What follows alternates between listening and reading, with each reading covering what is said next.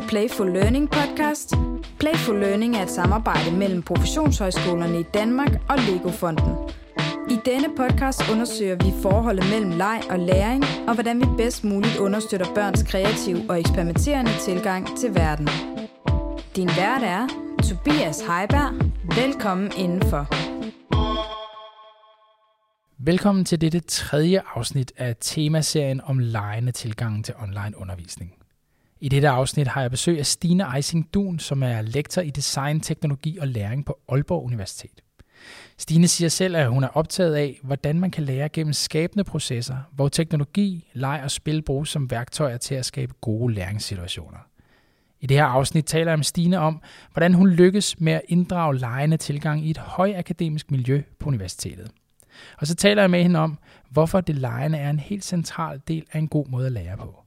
I vores samtale kommer vi også ind på, hvordan legekvaliteter måske kan udfordre vores vanetænkning om online undervisning. Hvis du bemærker lidt knas i lyden, så er det fordi, vi har valgt at optage podcasten digitalt. Men vi lover, at den stadig er værd at lytte til. God fornøjelse med afsnittet.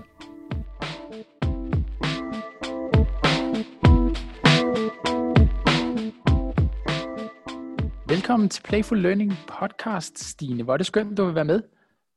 Tusind tak, fordi jeg var med, Tobias. Ved du hvad, lad os kaste os uh, direkte ud i vores samtale her. Og uh, lad mig indlede med at spørge dig om, hvad forstår du egentlig ved lejende tilgang eller playfulness i et undervisningsrum?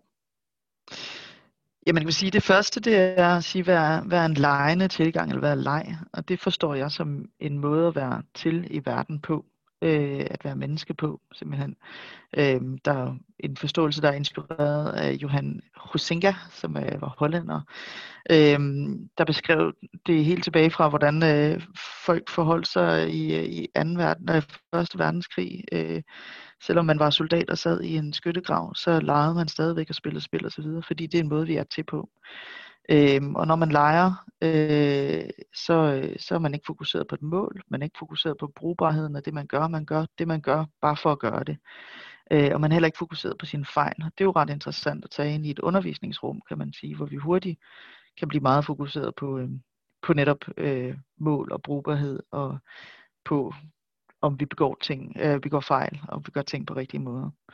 Så det er den ene side af det. Øh, så forstår jeg det også øh, og det er mere inspireret af, af Simmel, en tysker, øh, som en, en form for selskabelighed. Når vi leger, så gør vi det tit sammen med nogen, eller vi forholder os til nogle andre igennem det, øh, som handler om samvær. Øh, og jeg synes, det handler om nysgerrighed og undersøgelse, øh, som, er, som er gode øh, aspekter at have med ind i, i, i et undervisningsrum. Og så den sidste inspiration, øh, jeg har, det er Edith Ackermann, øh, øh, som beskrev øh, leg som vanebrud, øh, som at have forskellige perspektiver på en situation, at øh, forestille sig noget, stille noget foran sig. Øh, hun skrev om imagination, hun er amerikaner. Øh, at skabe billeder på en eller anden måde, at øh, overdrive, øh, og så at fordreje, øh, at på en eller anden måde hacke virkeligheden, og det synes jeg også er nogle gode elementer at bruge. Nu er jeg lektor i, i design, teknologi og læring, øh, så i forhold til både læring, men også design øh, og designteknologi, og det er jo gode perspektiver at have med ind øh, i læringssituationen. Stine, de der forskellige markører, du nævner her, er jo i hvert fald i, mit, i min verden fuldstændig oplagte at lade sig inspirere af i forhold til, til undervisning og læring, og jo i virkeligheden der, hvor vi gerne vil hen, når det kommer til både børn og voksnes læreproces. Som du nævner, så er du netop øh, lektor, og det betyder, at du, du underviser jo også, men i universitetssammenhæng, og altså højakademisk sammenhæng. Lad mig lige spørge dig, kan du overhovedet lykkes med at, at inddrage lejende tilgang i sådan en type af undervisning? øh, ja, det synes jeg, jeg kan. Øh, det kan man selvfølgelig spørge mine studerende om, men det virker øh, også som om, de, de oplever, at jeg kan det. Men det er jo også noget, der kan man sige, der, der øh, møder, øh, jeg ved ikke, man skal sige modstand, men reaktioner. Ikke? Øh, I starten, da, da jeg begyndte at sende studerende i vores værksted for at bygge lokaler i, i pap og tegne øh, deres oplevelse af, eller deres forståelse af kreativitet, der blev jo tit spurgt om, at det her er akademisk. Øh, Og det er, jo, det er jo et stort spørgsmål, for hvad betyder det egentlig? Jeg kommer ikke selv fra en akademisk baggrund, så først bliver jeg faktisk hundred for at få det spørgsmål. øh, men det er et godt spørgsmål at stille, og det er jo nogle gode studerende, der stiller sådan et spørgsmål, men det, det synes jeg, det er. Altså, øh, og man kan sige, hvorfor det er akademisk at bygge øh, sin forståelse af noget pap. Øh, ja, det, det er det, fordi at det, øh, vi, vi tænker på forskellige måder. Øh, det handler ikke kun om sådan nogle logiske resonemanger, men også at man kan tænke igennem at bygge, man kan tænke igennem at øh, netop forestille sig ting. Øh, og der er nogle forskellige øh, resonements øh, hvad hedder det, former, som, som vi bør bringe i brug, og der er vi meget fokuseret på nogle bestemte typer. Øh, ikke bare i, på universitetet, men i skolen i det hele taget. Så når man har med det lejende eller den lejende tilgang at gøre, de der alternative veje, som du taler om, så tilbyder det faktisk flere forskellige refleksions- eller tænkemåder. Er det sådan, man skal forstå det? Ja, man kan sige, altså øh, i, i forhold til, til universitetet og, og videnskabelse, så kan man jo tale, den gode gamle James Peirce, som også var en gammel pragmatiker, øh, han, han talte om, at vi kunne øh, gå deduktivt til verden. Det er, når man har dannet nogle hypoteser, nogle forklaringer på, hvordan verden er og så går man ud og forklarer nye tilfælde, situationer ud fra, fra de teorier eller hypoteser, man har. Øh, så kan man gå induktivt til verden, det vil sige, at man kigger på, hvad der sker, øh, observerer, hvad der sker, og så danner man hypoteser eller teorier ud fra det. Ikke? Man lærer af, hvad man ser i verden. Og de to tilgange til verden, de er jo, de er jo øh, gode tilgang til at kunne forklare, hvordan verden er. Men det er ikke super gode tilgang til at øh, skabe nye idéer øh, til at, øh, at forandre en fremtid for eksempel. Og der er en tredje øh, form for resonemang, som Peirce beskrev, der hedder det abduktive. Øh, og det abduktive, det kan man sige, det er jo sådan en form for kvalificeret gæt, eller at man slumper. Øh, og i design gør vi det rigtig meget. Der tænker man meget i, hvordan kunne man løse den her problemstilling? Hvad, hvad kunne man gøre? Man stiller spørgsmål, hvad nu hvis? Og det gør man også rigtig meget i leg. Øh, leg handler rigtig meget om, hvad nu hvis vi gør det her, og så prøver man det af. Og så kan man sige, når man så begynder at prøve det af, så går man over og bliver mere deduktiv, og derefter induktiv, fordi man ser, hvordan det virker. Ikke? Hvad nu, hvis vi laver hoppet på trampolinen på den her måde? Øh, så har man en teori om, hvordan det vil virke, og så prøver man det af. Og på samme måde kan man sige i, i undervisningssituationen, hvad nu hvis øh, vi, øh, vi løser den her problemstilling. Jeg, jeg, stiller jo, jeg arbejder på Aalborg Universitet, vi arbejder med problembaseret læring, så vi har altid problemer for den virkelige verden som omdrejningspunkt. Hvad nu hvis vi tager den her kunde og arbejder med deres problem på den her måde? Hvad nu hvis vi gør sådan her? Øhm, så det der hvad nu hvis og den abduktive tilgang er rigtig vigtig, og der kan man sige, det kan man godt gøre uden at arbejde med materialiteter, med pap og og tegninger og så videre, som jeg synes også er en del af, af lejen, det man eksperimenterer med ting og sager. Men det, det giver en anden måde at tænke på, ikke? fordi vi, øh, vi fastholder tankerne, det ikke bare bliver snak det hele, men det bliver noget konkret, der ligger foran os. Det åbner op for, for, øh, for samværet eller samarbejdet omkring løsninger på en anden måde. Så sådan som jeg hører dig, så er der sådan et, øh, et ret stærkt forbindelseselement imellem de lejende tilgange og så den abduktive tilgang til verden, og der er sådan et dobbelt forhold, både i måden du øh, tilgår din undervisning på, og så selvfølgelig den måde, du godt kunne tænke dig, at dine studerende tilgår verden og deres studie på. Jeg kunne altså godt tænke mig at komme af ren nysgerrighed lidt, lidt tættere på din undervisning. Sådan helt konkret i det der akademiske rum, med alle de akademiske fordomme, der må, du måtte møde. Hvordan er det egentlig, du inddrager de her lejende tilgang i din undervisning? Men øh, jeg, jeg prøver at gøre det gennem aktiviteter, der kan give de studerende sådan nogle oplevelser, der giver dem noget at tænke over og tænke med. Øh, så jeg tænker meget i aktiviteter, der kan vise dem en pointe, eller der kan få dem frem til nogle pointer på en eller anden måde. Ikke øh, nødvendigvis planlagte pointer, men øh, få nogle oplevelser med nogle emner. Ikke? Øh, jeg kan komme med et eksempel. Øh, jeg arbejder jo med teknologiundervisning også, øh, og der øh, havde jeg gang i en tekst af af en forsker, der hedder Sherry Turkle, øh, som har arbejdet med teknologi og psykologi i mange år. Og hun skrev omkring, hvordan teknologier har øh, sociabilitet, øh, altså at de har en eller anden form for personlighed eller intention. Øh, og det, det var et emne, som vi sagtens kunne læse teksten og så diskutere. Øh, det ville have været en helt fin måde at gøre det på. Men øh, det jeg valgte sammen med min, øh, med min øh, hvad hedder det, kollega, det var at lade de studerende øh, øh, med Lego Mindstorms bygge nogle robotter, så skulle de skabe en personlighed til de her robotter her og undersøge, hvordan aflæser man en robots intention, hvordan, øh, hvordan giver man den en personlighed, hvordan forholder man den sig til, til omgivelserne osv. Og der var der studerende, der byggede sådan en, en lille hund, der skulle sidde i et undervisningslokale, og så øh, når børnene i undervisningslokalet larmede for højt, så skulle hunden ligesom som pive sådan, mm, mm, sådan så de fik ondt af den, og så regulerede øh, deres adfærd i forhold til den her hund her, ikke? Øh, så havde den, øh, så havde den en, altså, så det var en, den var et socialt væsen i rummet på en eller anden måde.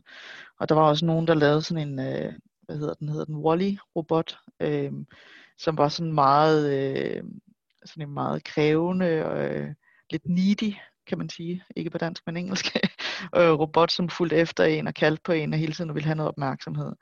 Øhm, så, så det var en måde sådan at, at arbejde med, med nogle begreber på, på en lejende måde, ikke? Øh, med Lego og hvad ved jeg. Det oplagte spørgsmål at stille dig er jo, hvordan i alverden reagerer dine studerende på den type undervisning?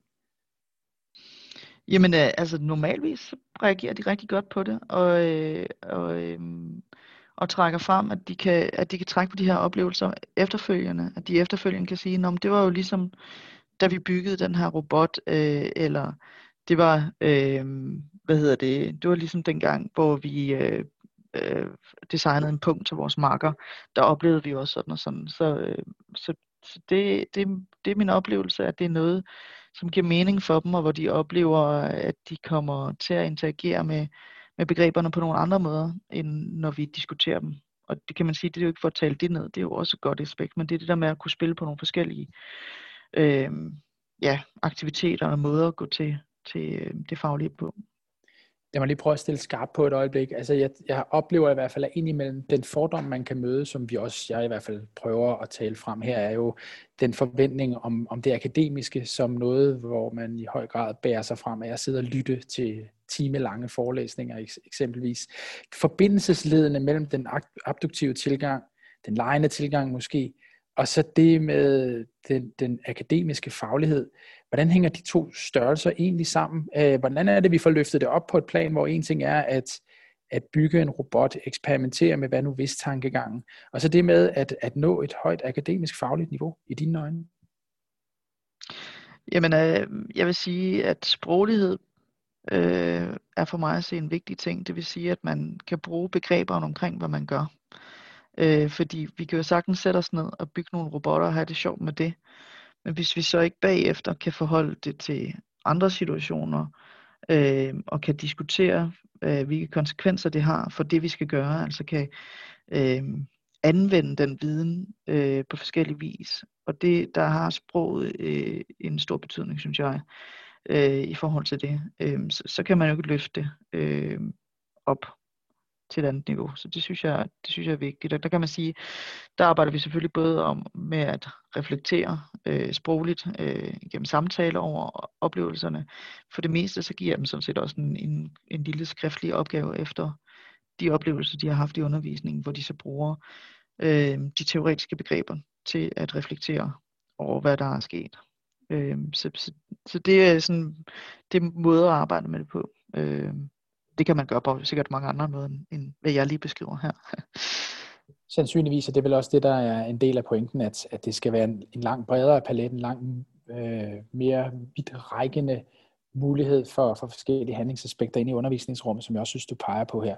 Øh, jeg kunne fantastisk godt tænke mig om et øjeblik lige at, at, at stille skarp på sådan online undervisning og det digitale undervisningsrum, i og med at du også er, er ekspert i forhold til teknologi og måske også den dimension. Men inden vi gør det, sådan helt generelt for lige at samle lidt op på det her med lejende tilgang til undervisning, er vi derhen, hvor man kan sige, også i akademisk sammenhæng, men for den sags skyld også for, for børn i 5. klasse, så kan den her tilgang, du beskriver, altså den lejende tilgang, den abduktive tilgang, det er måske også at eksperimentere med materialiteter, for så at reflektere, for så igen at eksperimentere. Måske er det sådan, det hænger sammen. Giver det ovenikøbet en endnu bedre forudsætning for at arbejde akademisk øh, refleksivt, end hvis man ikke har den eksperimenterende fase. Kan man tale om det på den måde? Ja, helt sikkert. Øh, og man kan sige, at der er jo mange af de begreber, som, som vi arbejder med øh, på universitetet, som kan være meget abstrakte. Øh, og og der, kan, der kan det lejende, øh, de konkrete oplevelser, øh, hvor man netop øh, prøver på at gå til situationen fra forskellige perspektiver, bryder med nogle vaner, øh, prøver at forestille sig noget osv., det, det kan hjælpe øh, til at forstå de begreber. Men vil også sige, det, det handler jo også meget om, øh, jeg tænker, at vores studerende øh, jo er, skal ud og tage ansvar for, for samfundet på forskellige vis, og de skal jo, øh, kan man sige, gå, gå kritisk og kreativt til det samfund, vi har. Og der tænker jeg også, at de her øh, kvaliteter er vig, vigtige kvaliteter øh, at tage med sig. Øh, og så vil jeg sige, at, at, øh, at vi møder meget øh, studerende, som er meget fokuseret på ikke at lave fejl og, øh, og få høje karakterer, hvad ved jeg, det er vi jo selv med til at producere. Øh, men det, det synes jeg er vigtigt at være kritisk over for os. Altså at flytte det fokus og, og flytte det til processen øh, i, i stor udstrækning, fordi det er gennem processerne, vi skaber nogle andre typer løsninger. Hvis vi hele tiden er, er fokuseret på, øh, på det, vi producerer, på målet og på øh, resultaterne, så kan vi reproducere nogle problemer øh, i uendelighed. Øh, så, så jeg mener, det er meget vigtige øh, elementer at have med på alle niveauer af uddannelse, i uddannelsessystemet. Det kan vist ikke siges meget klarere. Så kunne jeg rigtig godt tænke mig, at vi stillede skarpt på den digitale dimension af undervisning. Vi har jo alle sammen været igennem en, en periode med øh, hjemsendelser og digital undervisning på alle niveauer af uddannelsessystemet, på alle niveauer af arbejdsmarkedet. I øvrigt, øh, de fleste børn er sådan, som vi sidder og optager lige nu heldigvis i skole, og mange studerende er det også face-to-face. Men øh, vi har jo lært meget, tænker jeg, i forhold til at øh, være på afstand af hinanden og være tvunget ud i et, i et digitalt undervisningsrum. Og det vi to, vi skal snakke om lige nu, det handler jo meget om de lejende tilgange i netop det undervisningsrum. Og jeg kunne godt tænke mig at starte med at spørge dig om, hvordan kan de her lejende tilgang, som du lige sådan har, har beskrevet for os, egentlig bruges i et digitalt undervisningsrum? Før der talte vi lidt om det der med, øh, hvordan man opfører sig, når man oplever noget akademisk øh, på universitetet. Øhm, og når det er, at vi, som vi i foråret gjorde, lige pludselig øh, gik online, øh, uden super meget forberedelse, så kan man jo opleve nogle af de her øh, problematikker bliver forstørret. Altså det her med, at man oplever, at man er, er kan man sige, reduceret til en person, der skal læse nogle tekster, skal lytte til nogle forelæsninger, så skal skrive øh, nogle besvarelser på nogle opgaver. Øh, og når man så er online øh, og, og går online med den opfattelse, så er der måske ikke så meget grund til, at man tænder for sin, sit webcam eller for sin lyd. Og der kan underviserne hurtigt op, få den der oplevelse af øh, at sidde foran en skærm og spørge, er I der? øhm, og kigge på, på mørklagte skærme. Øh, og der kan man sige, der, der tænker jeg, at, at lejen kan bruges til at skabe øh, nogle andre forventninger til deltagelse.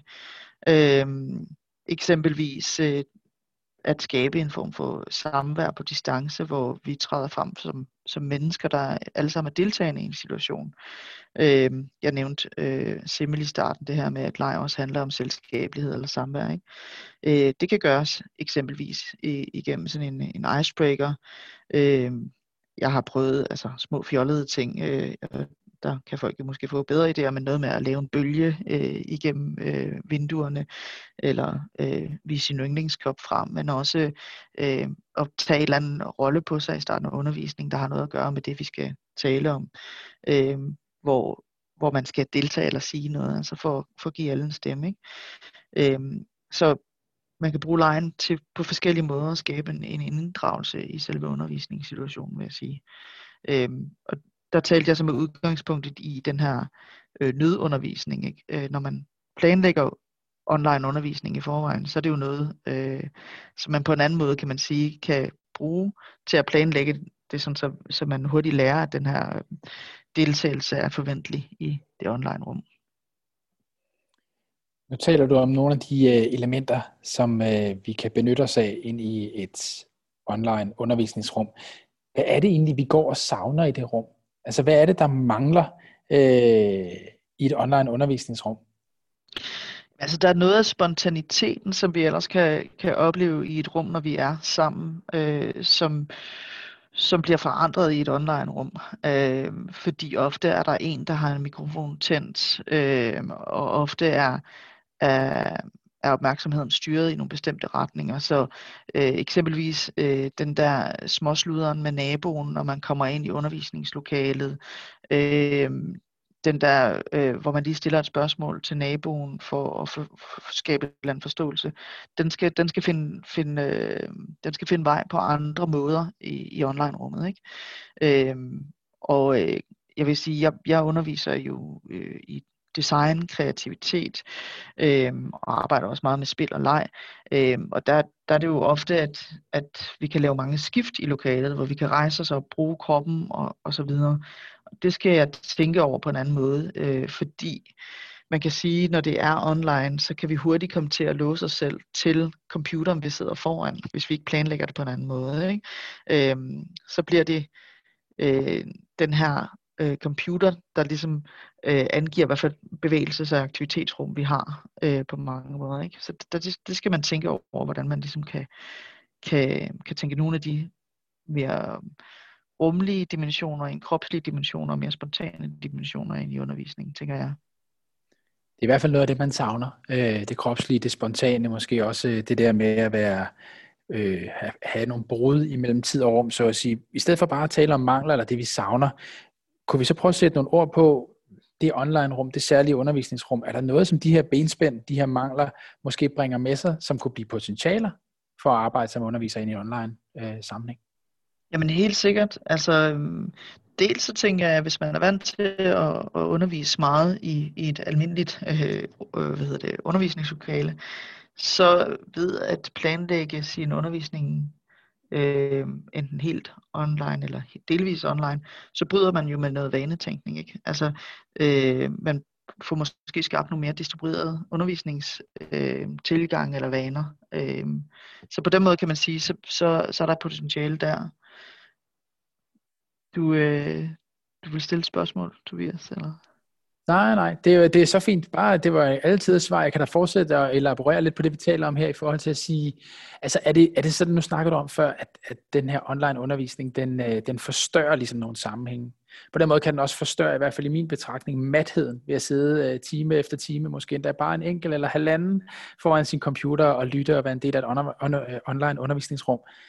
Er der grund til, at øh, vi som undervisere er særligt opmærksomme på de brud, du taler om. Du taler om det der med at gøre noget andet, end måske bare sidde og lytte. Altså, har vi en ekstra forpligtelse, både over for børn og voksne, når vi underviser i et online-rum?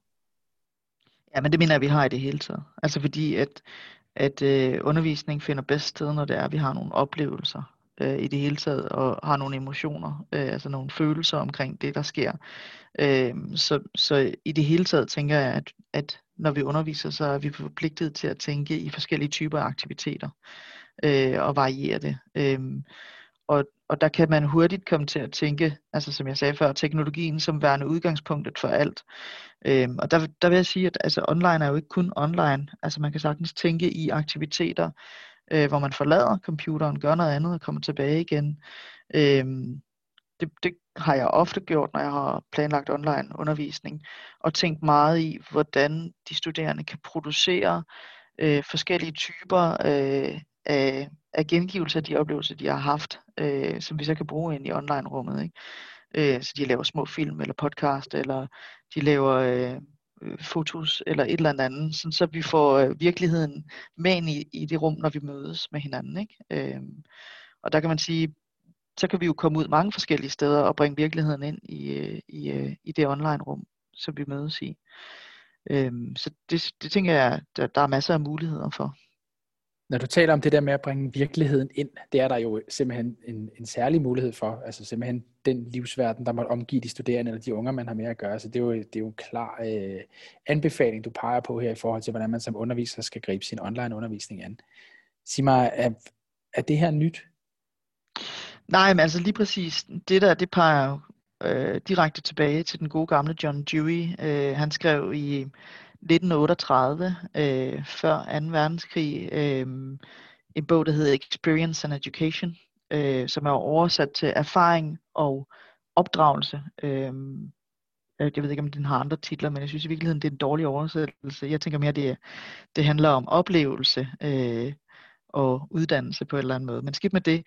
Men der, der skriver han om, at, at oplevelser er centrale øh, for at, at lære noget. Og de oplevelser, som vi skal have, det er nogen, hvor der er noget øh, kontinuitet i og, og en interaktion.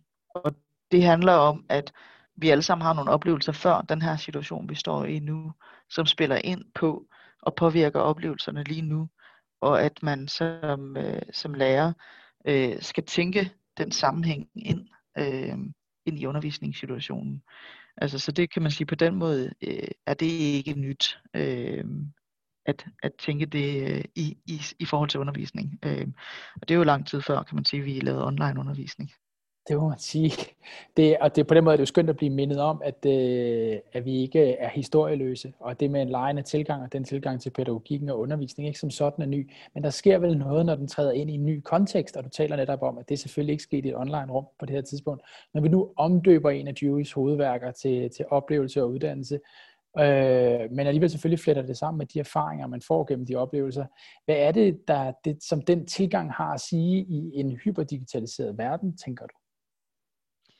Men altså, det handler, det handler jo meget om, kan man sige, at, at øh, man tænker i, at, at vi, vi tænker først og lærer først, når vi står over for nogle reelle problemstillinger, noget, der betyder noget for os.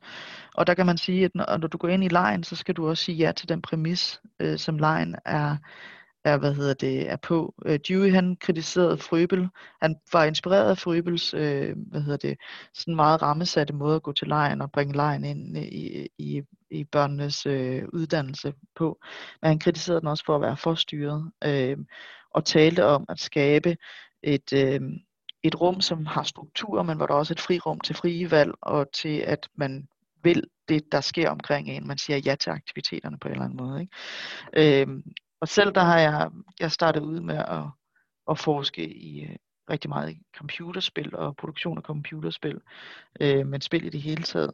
Og har læst en del, øh, en del spilteori, og der taler man om gameplay, og det minder mig lidt om det samme. Erik Zimmerman, han, han sagde på et tidspunkt, at gameplay, det er ligesom, øh, ligesom øh, hvis man tænker på en bil, ikke? play på engelsk, det betyder spil, altså en lille smule bevægelse inden for et rigidt system. Ikke?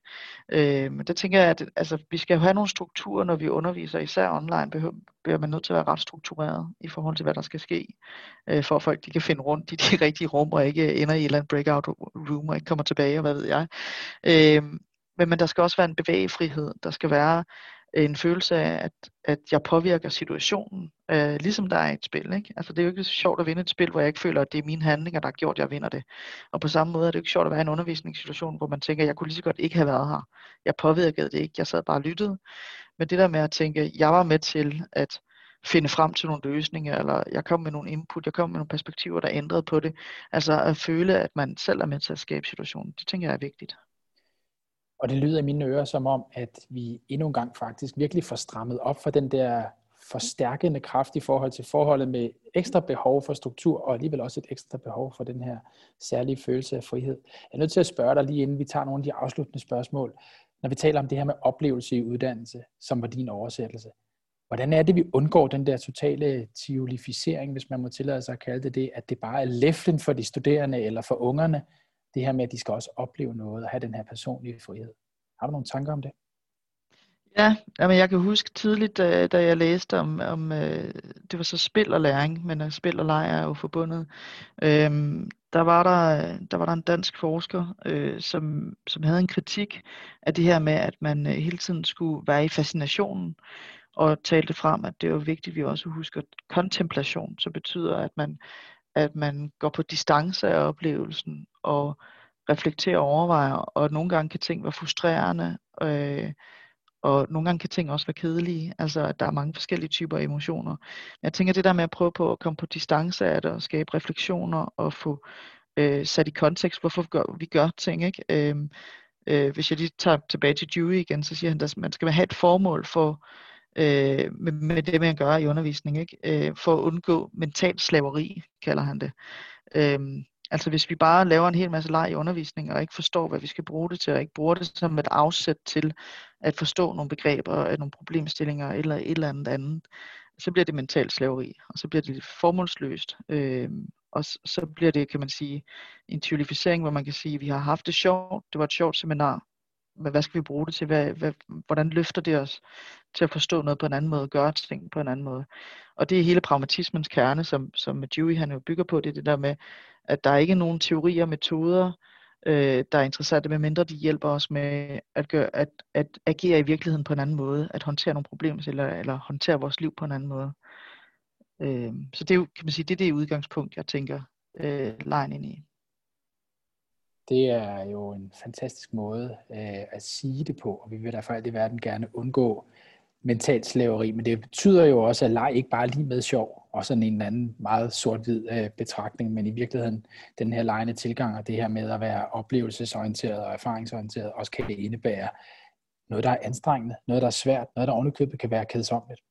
Godt. Lad mig lige stille øh, fokus i retning af Nana Filt Christensen, som jo besøgte os i det seneste temaafsnit. Hun er jo lærer, og vi bad hende om at stille dig et spørgsmål. Så den depeche går altså videre her. Og det hun spurgte dig om, som jeg er lidt nysgerrig på at høre, om du kan svare på, det er, om du har input til, hvordan lejende tilgangen kan medvirke til at styrke børn og unges selvværd. Hvordan lejende tilgang kan det? Jamen, øh, det tænker, jeg, det tænker jeg, at de kan, fordi vi flytter fokus fra, fra resultaterne øh, til processerne og til nysgerrigheden, til undersøgelsen og til at være til stede som menneske i en situation, øh, som, man, øh, som man påvirker. Øh, og ved at flytte fokus fra, fra fejl og resultater øh, og give tilbagemeldinger eller feedback til den lærende øh, på en måde, der ikke, der ikke hvad hedder det, fortæller dem, hvordan de skal gøre, men faciliterer, at de selv får lov til at undersøge og giver plads til de undersøgelser, så tænker jeg, at man bygger på et selvværd, øh, hvor man selv, kan man sige, har en, en agens, altså har styring med de situationer, man er i øh, som menneske. Øh, så det tænker jeg er centralt og vigtigt. Øh, og, og hvor man bygger på nogle af de ting, som, som øh, er kvaliteter ved, ved lejeperspektivet. Stine, du skal også have mulighed for at stille et spørgsmål videre i den her række af temaudsendelser i Playful Learning podcast. I det næste temaafsnit, der får vi besøg af tre skoleelever fra øh, Danske Skoleelever, som deres organisation jo hedder. Er der et spørgsmål, du godt kunne tænke dig at stille Bjørn, Esther og Amalie? Jamen, øh, jeg vil, det, er, det er dejligt, at I har fået Bjørn, Esther og Amalie ind. De er jo de vigtigste øh, i alt det her. Ikke? Øh, det, er jo, det, er jo, det er jo meningen med galskaben, det er jo, at vi skal møde dem, øh, og de skal få noget ud af det. Øh, jeg kunne godt tænke mig at spørge dem om, hvordan de oplever ændringen af deres roller i forhold til lærerne, øh, af det ansvar, som de har fået i undervisningssituationer, den frihed, der også er i ikke at være i det samme lokale øh, som læreren, når det er, at man arbejder med, med forskellige øh, øh, opgaver, øh, aktiviteter, øh, undersøgelser, som, øh, som er rammesat af læreren. Det kunne jeg godt tænke mig at høre. Det kunne jeg bestemt også godt tænke mig at høre. Det spørgsmål vil jeg også gøre mig umage for at stille dem i den kommende temaudsendelse eller temaafsnit af Playful Learning podcast. Stine, hvor har det været en stor fornøjelse at have dig på øh, besøg i det her afsnit. Tusind tak skal du have. Jamen selv tak, og jeg vil glæde mig til at høre, hvad de svarer på spørgsmål næste gang. Så er vi to. Tak for nu.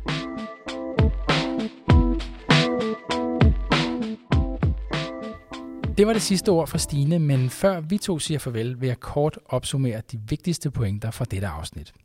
Vi har talt om, at den eksperimenterende og deltagerdrevne fase i undervisningen kan styrke de studerendes tilegnelse af svært tilgængeligt akademisk stof. Så har vi talt om, at lejende tilgangen kan skabe et grundlag for, at man tør teste hypoteser, tør lave fejl og frem for alt undgå at fokusere for ensidigt på mål og resultater i undervisningen. Sidst men ikke mindst talte vi om, at lejende tilgange i det digitale undervisningsrum kan bidrage til de studerendes engagement, oplevelse af meningsfuldhed og aktiv deltagelse. Og så skal du se frem til det næste afsnit af Playful Learning Podcast.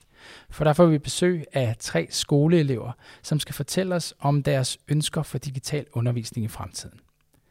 Denne podcast er tilrettelagt og produceret af Mathilde Vistoft på Genhør.